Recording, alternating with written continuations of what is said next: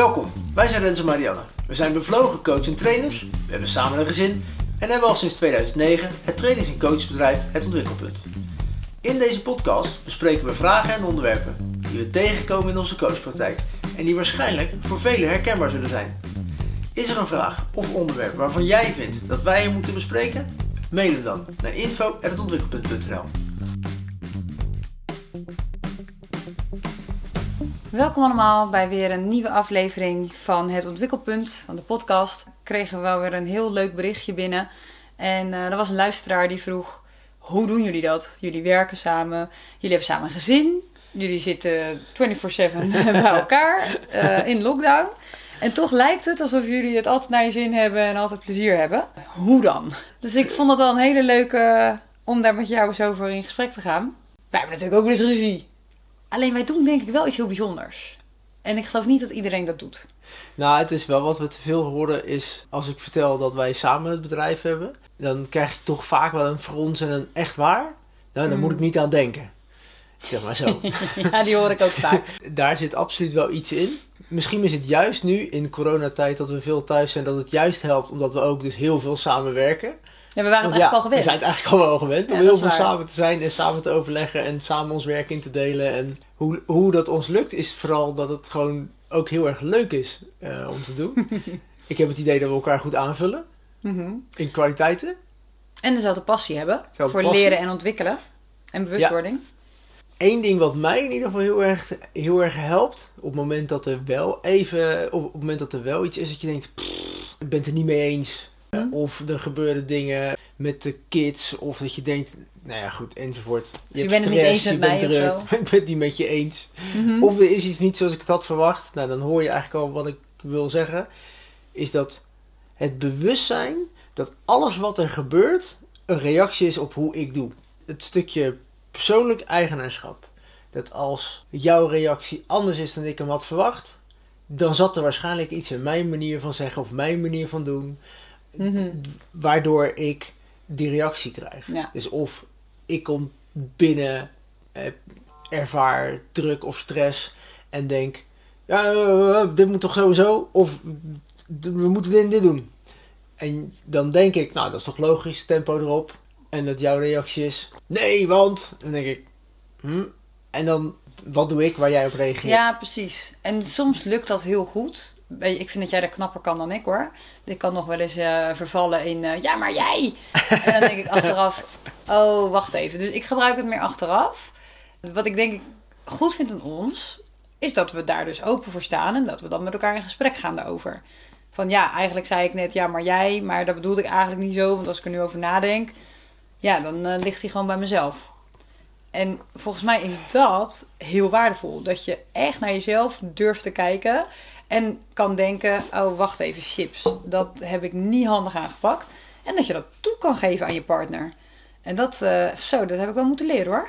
Dat eh, kun je alles over vertellen, denk ik. Nou, dat is misschien een tweede. dus één, eigenlijk het kijken naar ons aandeel in Ja. een discussie. Of ons aandeel in iets, een, een misverstand. Of in een, iets wat niet klopt met jouw verwachting. Dat wijzen eigenlijk naar de ander. En dan, dat je dan denkt, oh nee, wacht even. Een goede trainer zei altijd, hè, als één eh, vinger wijst Ja. eh, naar een ander, dan wijzen er drie naar jezelf. En dat heeft mij altijd geholpen. Dat ik denk, ja, inderdaad, ik doe zelf dus ook iets waardoor jij zo reageert. Jezelf gunnen dat je even de tijd neemt om tot bezinning te komen. En wij gunnen elkaar ook de tijd om die les te nemen in het moment. Dus het doel is niet je gelijk halen, maar het doel is elkaar de ruimte geven. Je wil de ander in je relatie, in mijn ogen, de ruimte geven en gunnen dat diegene beter kan worden in zichzelf zijn. En soms is in een relatie, hou je elkaar vast in een bepaald patroongedrag. Ja, een soort actie-reactie bedoel je dan? Dat ik niet jou nodig heb om zelf beter te worden in mezelf zijn. Dat je mij niet nodig hebt? Leg uit. Het klinkt namelijk niet zo aardig. Maar ik nee, snap je wel. het snap ik. Ik snap dat het niet zo aardig klinkt. Alleen op het moment dat ik jou wel nodig heb om helemaal mezelf te kunnen zijn, of de beste versie van mij te kunnen zijn, ja, dan heb ik jou altijd nodig. En als je, dat dan heel even niet is, of anders is dan ik had verwacht, Mhm. dan is de verhouding niet helemaal. Want dan, ik kan alleen maar mijn beste zelf zijn, Jezelf goed voelen bedoel je dan, hè? mezelf goed voelen, Ja. op het moment dat jij in ieder geval dit en dit doet. Ja, dus er zitten voorwaarden Het is aan. natuurlijk, eh, precies, het is natuurlijk heel mooi, hè, de zin, eh, ik weet niet eens uit welke film, You complete me. Dat is natuurlijk, het klinkt heel lief, maar je zet die ander ook vast. De weg waar we eigenlijk, denk ik, met z'n allen naar op zoek zijn, is naar een betere versie van onszelf willen zijn. Mhm. En dat het nuttig is en het helpt om een partner erbij te hebben waar je het daarover kan hebben. Maar niet dat die altijd nodig is, zodat jij de beste versie bent. Ik ben goed zoals ik ben. Mhm. hey, dat zeg je wel mooi, hè? Dus er zit eigenlijk een basisovertuiging onder. Ja, Dat je daardoor in die relatie jezelf kunt zijn. ja. Dus Want als jij dat gelooft, ik ben goed zoals ik ben, dan kun je ook vanuit een soort eerlijkheid met die ander communiceren. En heb je die ander dus ook niet nodig. Want je weet dat je toch al goed bent. Dus het is niet van, oh, ehm, ik ben oké, jij bent niet oké. of andersom. Ja. Ik ben niet oké, jij bent oké. dus Zeker. help me, I need you. Want dan krijg je dus rare, scheve verhoudingen eigenlijk. ja, Toch? zeker. Ja. Dat is niet een gelijkwaardige relatie. Nee.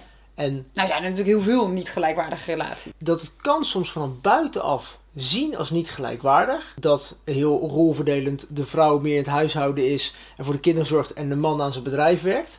Dat kan heel stereotyperend overkomen en dan zie je, zie dat is niet gelijkwaardig. Mhm. Terwijl dat is gewoon een afspraak en zo runnen zij hun droom.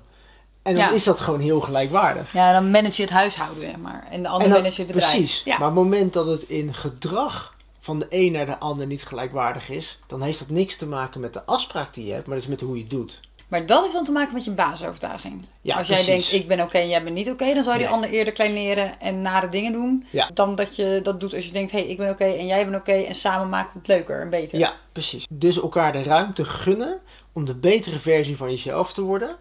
Juist door soms een liefdevolle spiegel te zijn. Of door een luisterend oor te zijn. En niet door, ja, maar jij doet ook altijd dit. Mhm. Kijk, Nee, niet verwijten. Oké, Nee. dat is logisch. Maar laten we het even heel praktisch maken. hè, Want ik denk dat onze luisteraars daarop zitten te wachten. want Anders dan wordt het allemaal heel eh, vaag theoretisch. Als we nou een paar praktische tips moeten geven. Want dat is eigenlijk wat die luisteraar ons vroeg. Ja. Wat kunnen we dan meegeven, zodat ze daar morgen al mee aan de slag kunnen? Nou, één, weet dat in elke discussie die er is, jouw aandeel het makkelijkste veranderen is. Dus als er een discussie is, of een gedoe, of eh, een ruzie, of nou, een oneenigheid, Mhm. hoe je het ook wil noemen.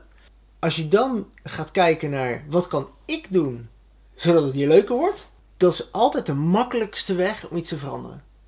Ja, De weg van de meeste weerstand. ja, en hoewel dat natuurlijk kan voelen als veel weerstand, want je moet aan je eigen patronen gaan werken.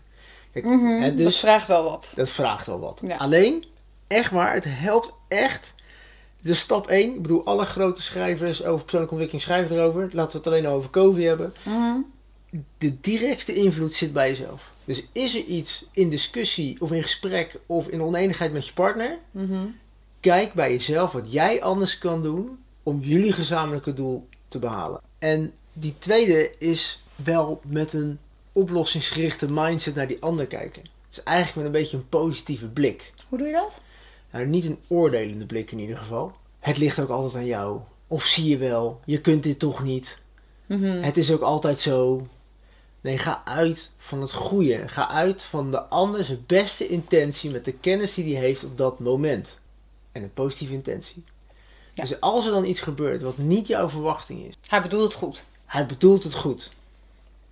Dus als dat, dat moet eigenlijk altijd je overtuiging zijn. Van als iemand eh, boos binnenkomt en die zegt, nou, rotdag gehad, dit of dat. Of heb je nou nog niet opgeruimd of zoiets, hè?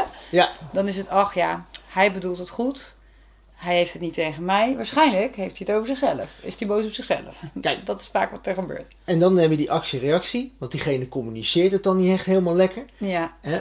Niemand kan in zijn emotie binnenkomen lopen en zeggen: Nou, ik voel me echt eventjes helemaal zo. Mag ik even op een schouder of doe me een knuffel? Mhm. Nee, dat is 9 van de 10 keer toch vanuit frustratie. En dat wordt geprojecteerd en dat wordt er gereageerd op de omgeving of het is korter af. Maar daaronder zit eigenlijk altijd een behoefte. een behoefte. Ja. Maar dat is, ik geloof dat is altijd een positieve behoefte. Ah, Oké. Ja, voor, voor die ander. Of ook voor de persoon met wie die is. Nee, een persoonlijke positieve behoefte. Ja. Dus als dat gebeurt, dan is de eerste reactie eh, in mij ook. Hè, als jij iets doet waarvan ik denk, hoe dan? Dan is mijn eerste reactie zo, hoe dan? En dan is mijn tweede reactie, wacht even, wat zou je behoefte nu zijn? En dan kom ik toch met een vraag. Wat heb je nodig van mij op dit moment? Dat En, eh, en zo'n vraag, wat heb je dan nodig op dit moment? Of wat kan ik voor je doen zodat dat? Dan, dan heb ik het niet meer over wat ik ervan vind. Maar dan heb ik een vraag om jou verder te helpen naar dat wat je zoekt. En dat geeft ruimte om te zeggen, ik zit niet lekker in mijn vel. Of dit is er gebeurd. Of die kids de hele dag. Mhm. En dan hebben, we het over, dan hebben we het samen over iets. In plaats van dat ik iets aanwijs wat ik vind dat jij niet goed doet. Mhm. Nou, dan heb je, nou ja, je hoort alleen die zin al. Wat ik vind dat jij niet goed doet, dat zijn alle ingrediënten Ja, ik voel om ruzie te hebben. Ten opzichte van, hé, hey, wat gebeurt er bij je? Ja, dat is een hele goeie. Dat wou ik net zeggen. Ehm, die verwonderende blik. Dat vind ik zo mooi vanuit oplossingsgericht. Ja, En ook vanuit yoga trouwens. De beginners mindset noemen ze dat. Dat je eigenlijk met, naar iemand kan kijken alsof die het voor het eerst doet. Of alsof je hem voor het eerst ziet. En dat je in plaats van oordeelt nieuwsgierig bent. En dat je denkt, goh, wat bijzonder dat hij dat op die manier doet. Zonder oordeel. Gewoon puur te kijken. En dan vind ik het ook altijd wel mooi. Dat helpt me ook bij jou. Als ik dan denk, hij zal er vast een goede reden voor hebben. En puur om dat al te zeggen tegen mezelf ja, dan ben ik al uit dat oordeel en dan word ik eerder nieuwsgierig. Want dan ben ik benieuwd, en welke reden heeft hij er dan voor? En dan sta ik veel meer open om te luisteren. Want volgens mij is dat de sleutel, dat je luistert naar de ander. ja, het beste gedeelte van elke vraag is de stilte achteraf. Dus, Snap ik? kijken naar jezelf, want daar zit de meest snelle en directe invloed. Wat kun jij doen om de ander te helpen, in plaats van te Ja. wijzen? Ja, als iemand boos thuis komt of niet lekker in zijn vel zit of wat dan ook. Dat je eerder met ver- verwondering naar hem kijkt in plaats van oordelend. Ja, en weten, je bent er voor elkaar en je bent niet tegen elkaar. Dat is een hele mooie. We hopen dat dit je geïnspireerd heeft.